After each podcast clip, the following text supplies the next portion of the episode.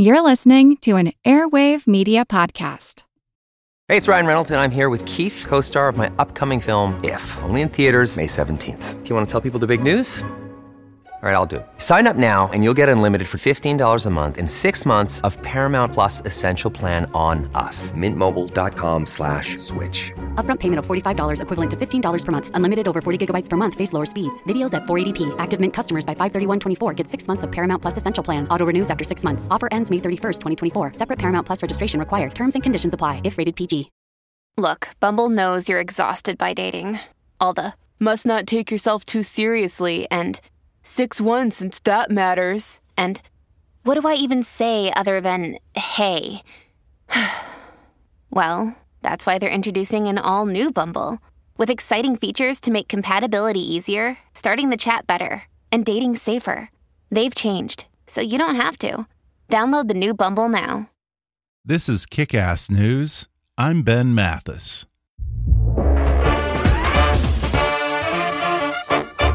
Support for today's show comes from the Weather Channel, television's most trusted source for severe weather coverage. Go beyond maps and apps and dive into the science and stories behind the storm, because understanding our atmosphere is the best way to prepare for severe weather. Every season, every storm, every time you watch, trust the Weather Channel. And now, enjoy the show. Hi. I'm Ben Mathis, and welcome to Kick Ass News.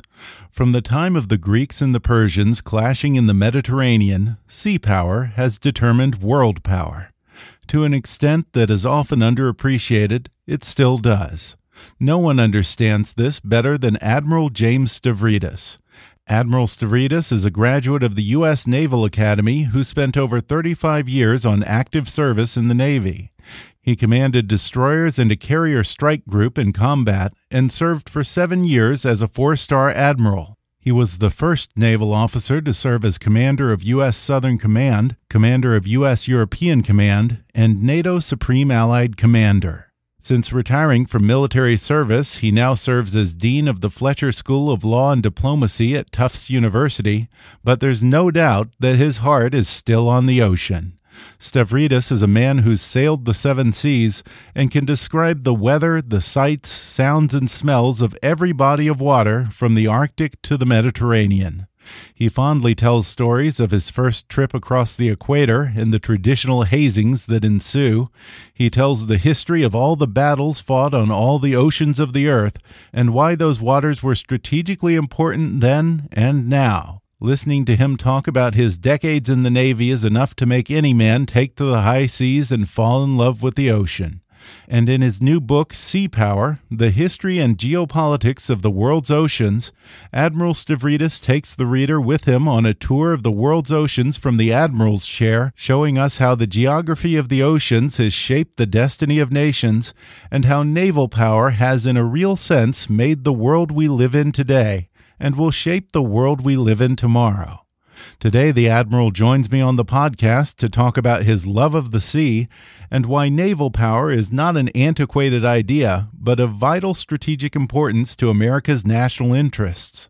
He'll take us ocean by ocean to discuss the current geopolitical concerns in every region of the world, from China's man made islands in the South China Sea to Russia's ambitious territorial grab in the Arctic Circle.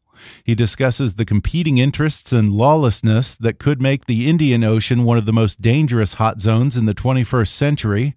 He warns that Russia's suspicious activity along fiber optic cables in the Atlantic could cut off 95% of the world's communication, and he explains why it's time for the U.S. to stop outsourcing the North Korean nuclear talks to China. He calls for the U.S. to invest in a 350 ship naval buildup. He suggests that it's time for the U.S. to sign something called the Law of the Sea Treaty, and he cautions President Trump to stand firm with our NATO allies. He also shares an important lesson he learned from his captain when he was a young, headstrong ship handler, and he describes how he's seen the results of global warming with his own eyes.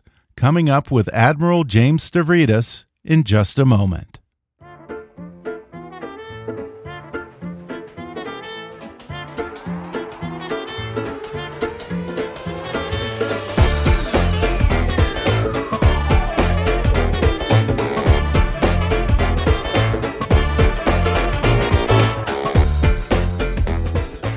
James Stavridis is one of the most decorated naval officers of our time, a retired four star admiral with 35 years of active service in the Navy. Stavridis served as the Supreme Allied Commander of NATO from 2009 to 2013.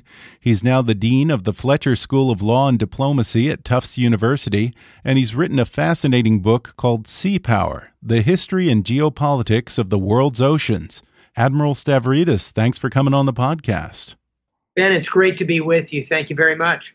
Well, I, I have to say, I really loved this book because you talk about the sea in a way that only an old mariner can. You say that you've spent nearly 11 years total at sea.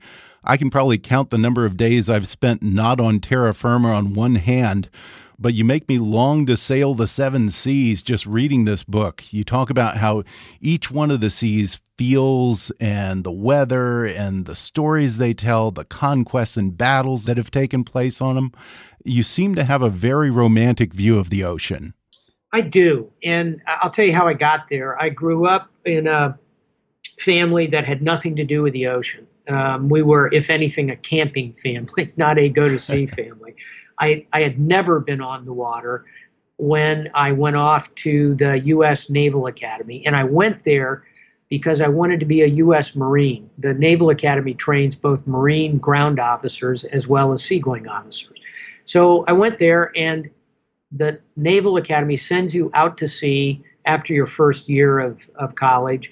And I went out on a destroyer out of San Diego, and I walked up on the bridge of that ship as the sun was setting, and I, I was like St. Paul on the road to Damascus. I just saw all that water and all that light, and I just wanted to be at sea. And I think it, the ocean hits people that way, and when it does, you are a sailor for life. And one of the most enjoyable aspects of this book is reading about your early years in the Navy and traditions like the hazing when it's your first time crossing the equator or the Arctic Circle. And you talk about this crusty old captain you had when you were a young, cocky ship driver and some advice he gave you after you took the ship into Pearl Harbor and dinged her up a little bit. You want to tell that sure. story? I was a very young officer trying to handle the ship. Things were just not going very well um, I got way, way ahead of my skill set uh, and and tried to drive the ship in a in a way that I just wasn't ready to do.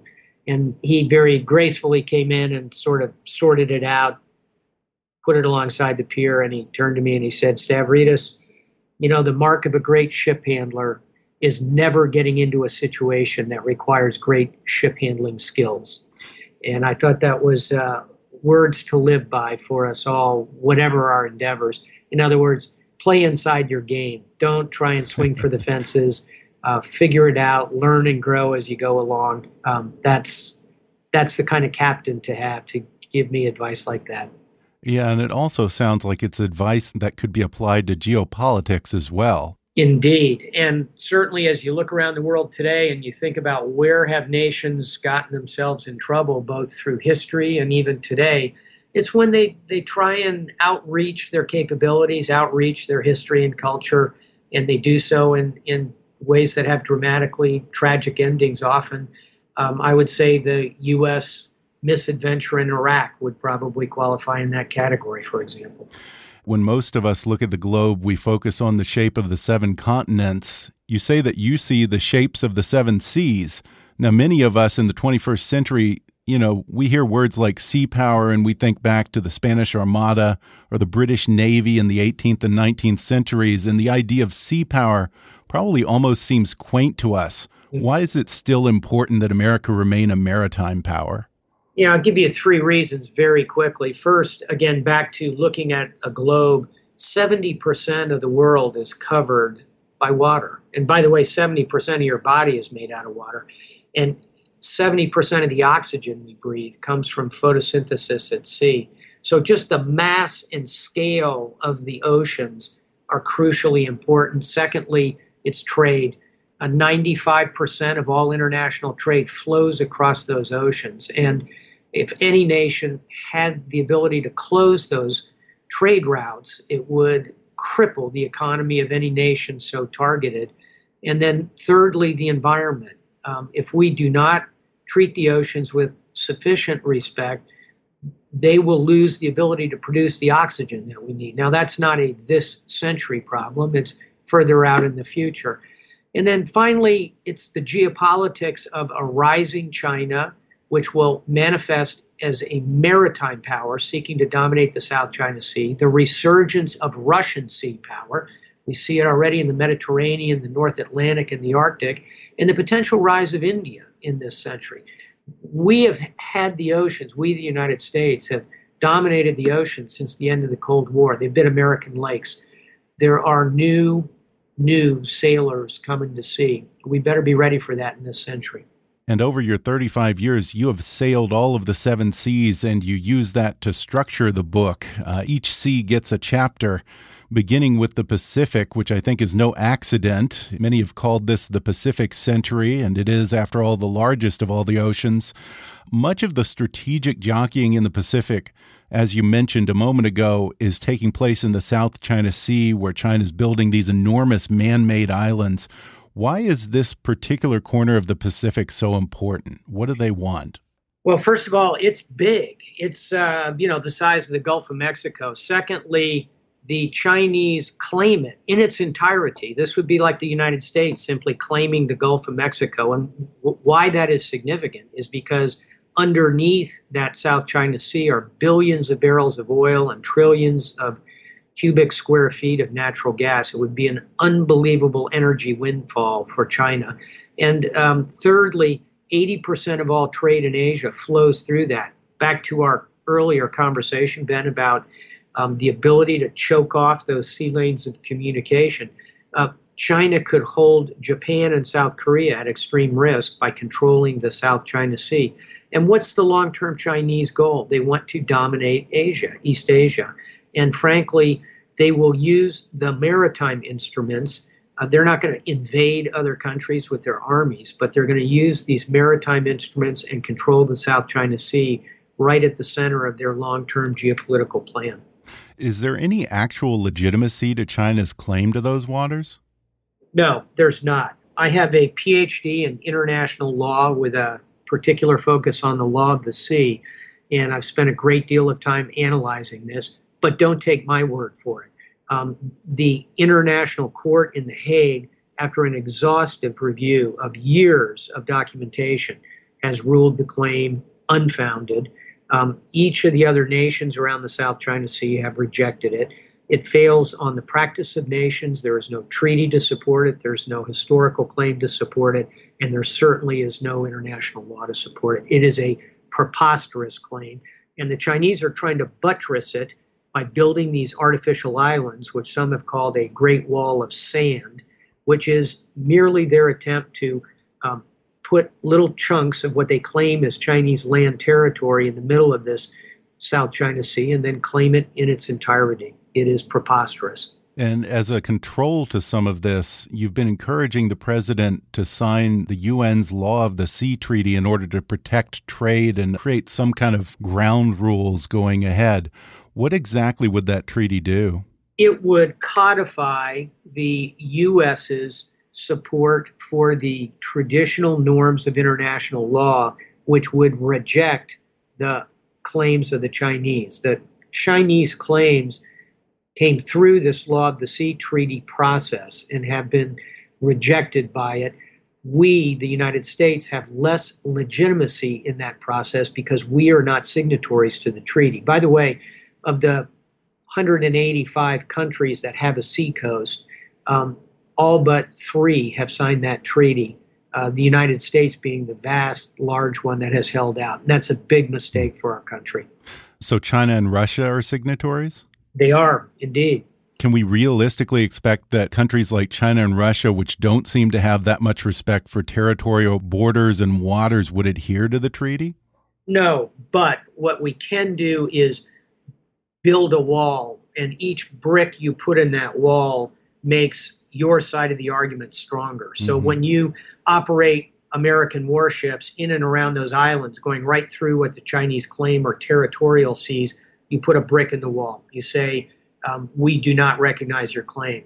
When you place economic sanctions on uh, China for uh, for building and crushing these reefs, um, you put another brick in the wall. When you sign the treaty and you are part of the legitimate process, international process, you put another brick in the wall. Now, whether China and India, excuse me, whether China and Russia will uh, adhere to that or not, I, is unclear. But it's better to be inside the tent having the argument than standing on the outside trying to shout through the tent wall. Yeah, no doubt. Going back to the Pacific, you talk at length about North Korea. From my perspective, help me out here. It seems that we've relied for far too long on China to contain North Korea's nuclear program. And it doesn't strike me that China has been a particularly honest broker in its supposed efforts. Is that an accurate assessment of the situation, or is there something I'm missing here? No, you're not missing anything. The Chinese have talked the talk, but they have utterly failed to walk the walk. They have not used their enormous economic leverage. They control 95% of the North Korean economy. They could bring the place to its knees in a matter of weeks uh, particularly and easily by controlling fuel going in and out. Uh, so China has paid lip service to this idea of putting pressure on the North Koreans, but they've simply failed to do so. Why? The reason is because they like a divided Korean peninsula, and what they want is a uh, a regime in the north that is controllable by them.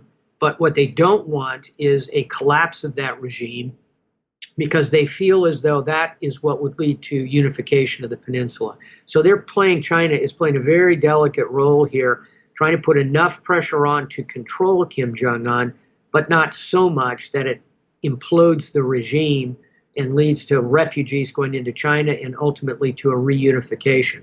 The Chinese don't want that because they've watched, for example, what happened in Germany when East Germany and West Germany combined and created this juggernaut in Central Europe. They don't want that in Asia. They don't want the competition. Well, now that President Xi Jinping has as much as told President Trump that they haven't been able to deter North Korea, what should our next steps be? I would say there are three things we ought to do. One is we ought to increase our preparation for unfortunately, for combat operations defensively. In other words, we need more THAAD missile systems, more uh, Aegis ships. We need more defensive capability to try and protect the 200,000 American citizens that live and work in Korea, many of them associated with the Department of Defense. So there's a defensive component. Secondly, I think we should increase our cyber and do everything we can to find ways to take apart the uh, North Korean command and control systems, and particularly their nuclear systems, using a combination of cyber and special forces. That's sort of the offensive piece of this. And then, thirdly, sometimes the best plan B is to try harder at plan A. And I think plan A, which is get China to get Kim Jong un under control, is actually a pretty good plan. So I think we do need to continue to put energy into convincing China to play the right set of cards with Kim Jong un. Now, on the positive side, we need more dialogue. I'm in favor of negotiations. And I think that I could, as an analyst, I could live with freezing the program as opposed to getting rid of the program I think you could probably construct a negotiated outcome along those lines if China is willing to put the pressure on North Korea to bring them to the table. So there's three things I would sketch out to move forward. Well, moving over to the Atlantic, you say the zone of competition is the North Atlantic, particularly in the gaps between Greenland, Iceland, and the UK. And in particular, the thing that concerns me is these reports of suspicious activity by the Russians along fiber optic cables at the bottom of the Atlantic. I've brought this up with guests in the past, and they say, well, you know, we have satellites, people talk on cell phones, it's not that big a deal. But it sounds like this is a pretty big concern to you, right? It's an enormous concern, and I'm surprised that your guests would articulate that view. Um, anybody who really looks at, at what flows on these um, underground cables, and there's only about 250 of them. They carry 95% of all data that moves around the world. Wow. Data is the new oil. And frankly, um, they're vulnerable. I think the reason they're not hit more often or threatened more directly is that everybody relies on them. Mm-hmm. But satellites are not the answer and, and carry a tiny percentage of global communications. Those uh, fiber optic networks under the oceans are absolutely crucial. We're going to take a quick break, and then I'll be back with Admiral James Stavridis in just a minute.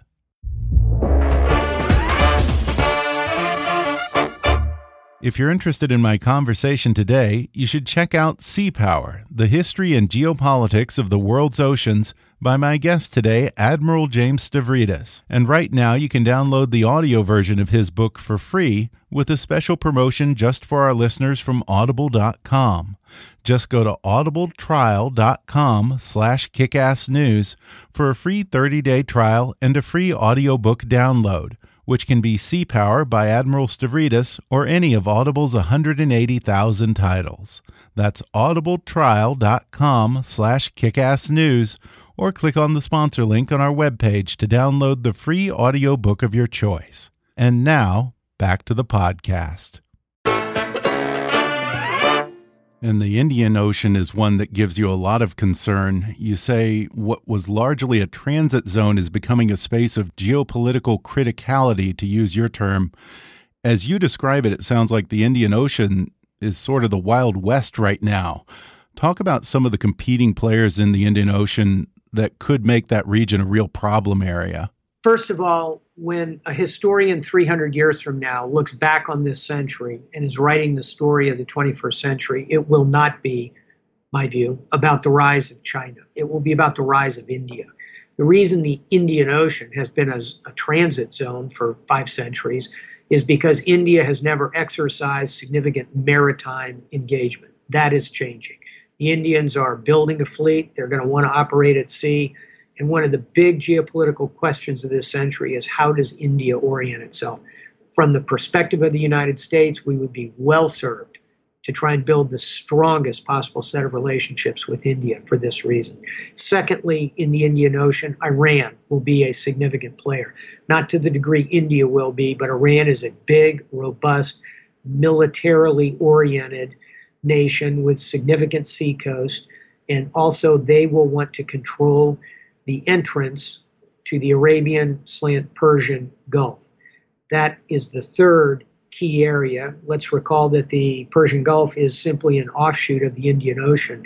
Here we'll see a Sunni Shia competition that will play itself out over the next several decades, with Iran on one side and Saudi Arabia leading a Sunni bloc on the other.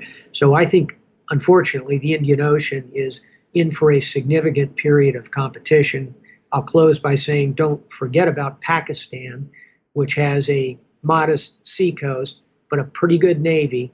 And if if India and Pakistan should come to blows, there'll be a significant maritime component of that as well. And you point out that India is a vibrant democracy, in fact, the largest in the world and a natural ally for the U.S. You say America would be well served to solidify our relationships with India. Did you see that in Trump's meeting with the Indian President Modi?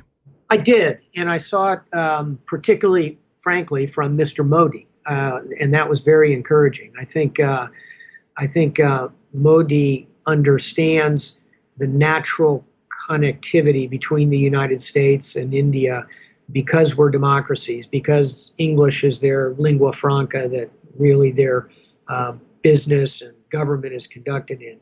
Uh, because they're such a young nation and so vibrant, um, there's enormous potential uh, connection between India and the United States.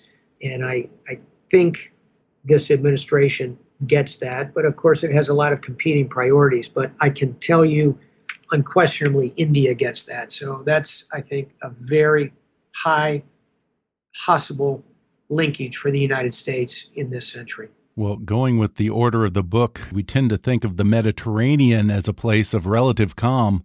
But you say there's a real danger of ISIS invading Europe through the Mediterranean southern border. Uh, talk some more about that. Yeah, they're doing it already, and it's coming through Libya. One of the one of the really disheartening episodes of the last uh, few years, and certainly at the end of my career, was the uh, attacks in Libya. They were mounted by NATO for good reason. They were requested by the United Nations to protect the people of Libya. But once the operation was concluded and Gaddafi was killed by his own people, I, I hasten to point out, um, the NATO, European Union, United States, we all walked away from Libya. That has created a chaotic situation in Libya. Uh, the Islamic State and Al Qaeda are there in significant numbers, and they are finding their way into this slipstream of refugees that are flowing out of Libya into principally Italy, but also Spain, France, and Greece. So there are uh, real worries about the jihadists in that slipstream coming across. And of course, in Italy in particular, the Catholic Church is an enormous potential target for them. Some people may be surprised to hear that you say that the Arctic Sea may be the most important geostrategic zone of competition in the coming decades due to climate change. For anyone who has doubts, uh, what have you seen with your own eyes as evidence that global warming is taking place in the Arctic? Yeah, there, there's just no question. The, uh, the, the levels of ice are receding dramatically year after year. And um, within a decade or so, there'll be year round uh, sea lanes that will flow through the Arctic. As a result of that, there'll be uh, extremely significant geopolitical competition between Russia on one side of the Arctic and five NATO nations on the other side the United States, Canada, Norway, Iceland, and uh, Greenland, which is part of Denmark. So um, th- we are set up for, no pun intended, uh, another Cold War up where it's really cold. And let's hope we don't get to that point. As I talk about in, in the book, Sea Power, what we need to rely on is diplomacy, international organizations like the Arctic Council, um, mature dialogue between states to address the ecological problems, the safety issues, uh, that this is going to be a tourism zone before very long. Search and rescue could be significant we've got a lot we can do together in a positive way in the Arctic. So I, I hope it remains as it is today, the only ocean in which a major naval battle has never been fought. Let's hope it stays that way. Well, Russia is certainly making a big play in the Arctic. What's at stake for them there? Um, hydrocarbons, principally, they would like to uh, to dominate the region um, from a energy perspective. Secondly, they'd like to be able to control those shipping lanes and have a say in who moves through them. Uh, thirdly, they have an interest in a number of uh, territories that are there that are disputed, including one with a significant one with Norway. Um, this gets into uh, back to that Law of the Sea treaty. It gets into where uh, is Russian territory under the oceans, continental shelf what what are the dividing lines for it? All of that is a it's a big opportunity for Russia, and their economy, of course, is basically a one trick pony. They're a big gas station, so they they live on those hydrocarbons, right. and over time they're going to need more as their land base goes away. Therefore, the Arctic is crucial to them. Yeah, and also just from a transport perspective, when I look at the globe it seems like if those oceans opened up, it would be a relatively fast way to get from the Atlantic to the Pacific. Oh, exactly. No, that's that's the main point of all this is um, you save weeks and weeks of transit time at sea, uh, making that run from say Europe to Asia, going right over the top of the world. And Russia would love to have control over that water. Yeah, and in talking about this, you say that the U.S. Navy needs more icebreakers. I was surprised to read that we only have apparently one operational icebreaker compared with Russia's dozens of icebreakers. And uh, even China, I think you said, who has no border with the Arctic, has 10 icebreakers. Is that right? They do. And Denmark, tiny little nation, has six icebreakers. Uh, you know, we're we're way behind on this one. Uh, we we park those icebreakers in the Coast Guard um, I'm, I'm told that there is a, a movement to add a couple of significant icebreakers to the Coast Guard budget. Let's hope that's the case. Well, I've heard stories that Vladimir Putin sort of sees himself as the second coming of Peter the Great, who built Russia into a great naval power. And the current expansion of the Russian Navy seems to bear that out. Talk a little about Russia's capabilities right now and in the near future. I will, but let's go back 20 years and observe that the Russian Navy of 20 years ago, at the end of the Cold War, is a is a big, powerful navy, roughly the size of the United States, 500 ships. Into the Cold War, the Russians break up that navy. They put a lot of it in mothballs. Um, they move away from the idea of being a significant maritime power. Vladimir Putin takes office. Over the last um, seven years, he's pumped an enormous amount of money into the military in general and the Navy in particular.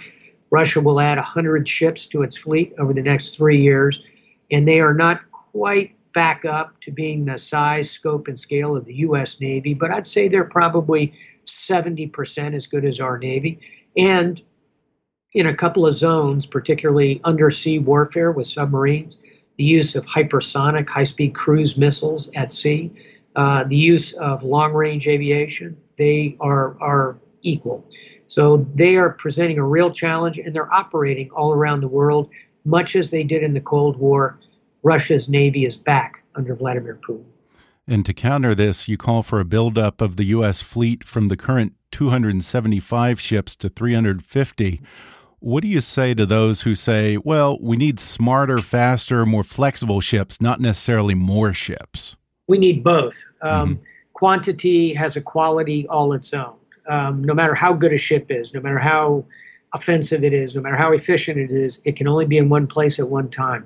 And you need 300, and let's keep the numbers round to keep the math easy. Let's call it 360. So divide it by three. So that's 120 of those 360 ships, 120 are going to be in a shipyard. They need repair and updating. Ships require a lot of maintenance because they operate out in the ocean. Second, 120 are in training, getting ready to go forward. So you need 360, Ben, to make 120 that can be forward deployed, centered around four carrier battle groups one in Northeast Asia, one in Southeast Asia, one in the Arabian Gulf, and one in the Atlantic that can swing between uh, the Baltic and Black Seas and the Med and the High North. So 360 is the number every every serious naval analyst has come up with. Uh, under the Obama administration, we drifted down to 275. They are good ships; they're very capable, uh, but we need 350 to make the numbers work. Well, before we go, uh, I want to talk a little bit about your time as Supreme Allied Commander of NATO. What was that like? With 29 members, is it a little bit like herding cats?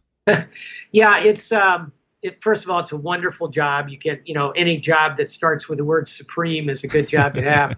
uh, but it, the challenge of it is that you have 28 nations who have utterly different culture, history, language, geographic location, demographics, military skill sets, and somehow you have to be the conductor of the band and bring them together to go do significant combat missions. We had to create the NATO force for Afghanistan, for the Balkans, for Syria, for piracy, for cyber security. And so it was the most challenging period of my life to put all those disparate cultures and languages and abilities and capabilities together in a coherent way to take on real world missions.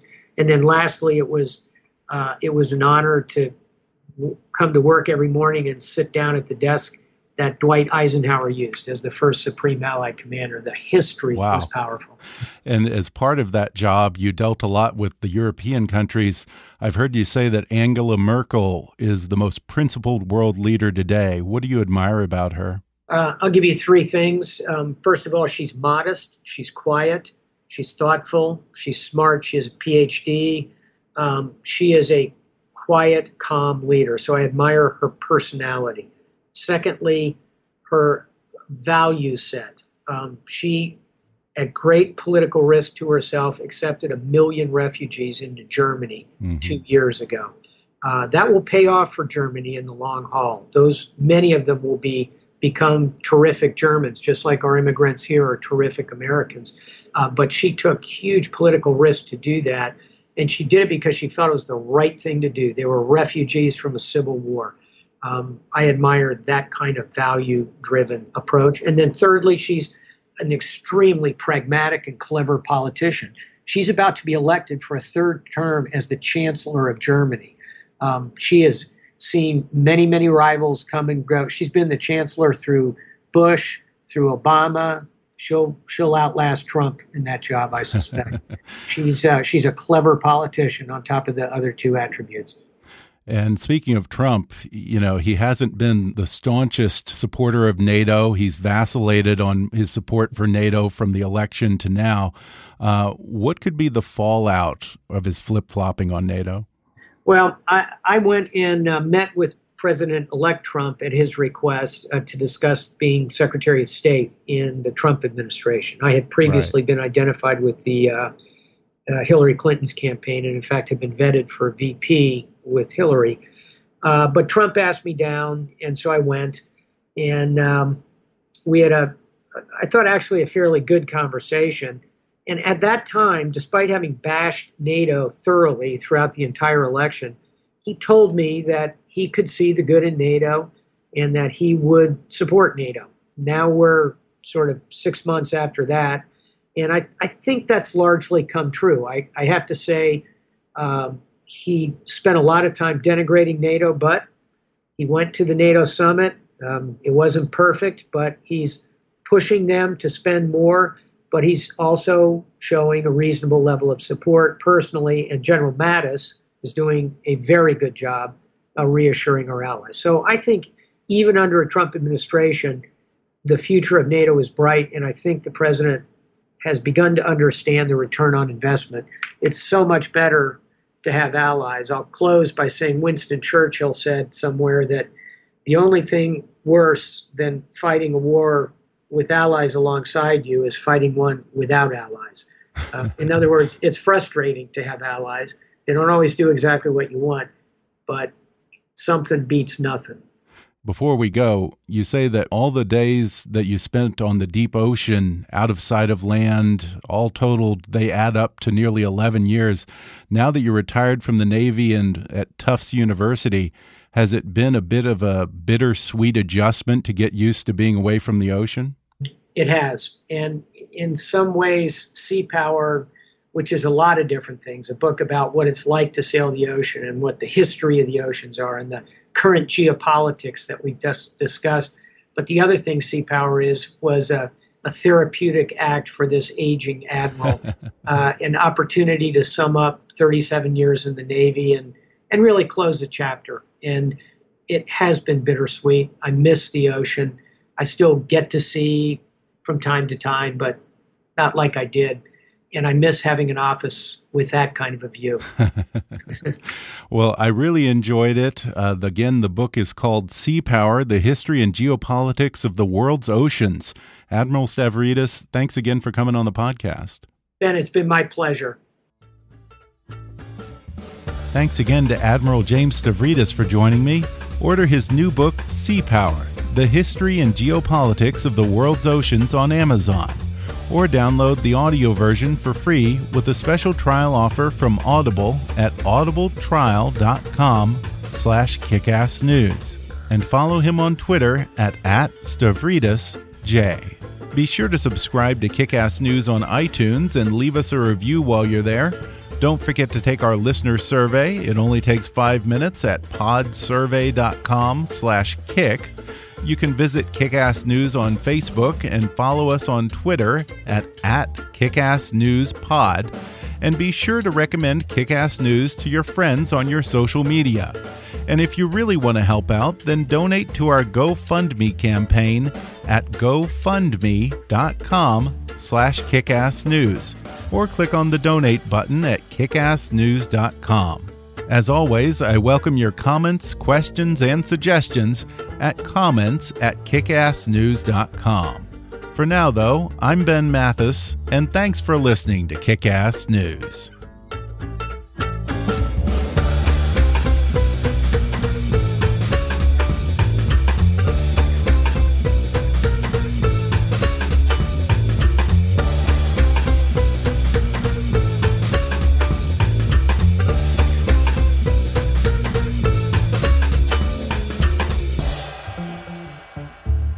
Kick Ass News is a trademark of Mathis Entertainment, Inc.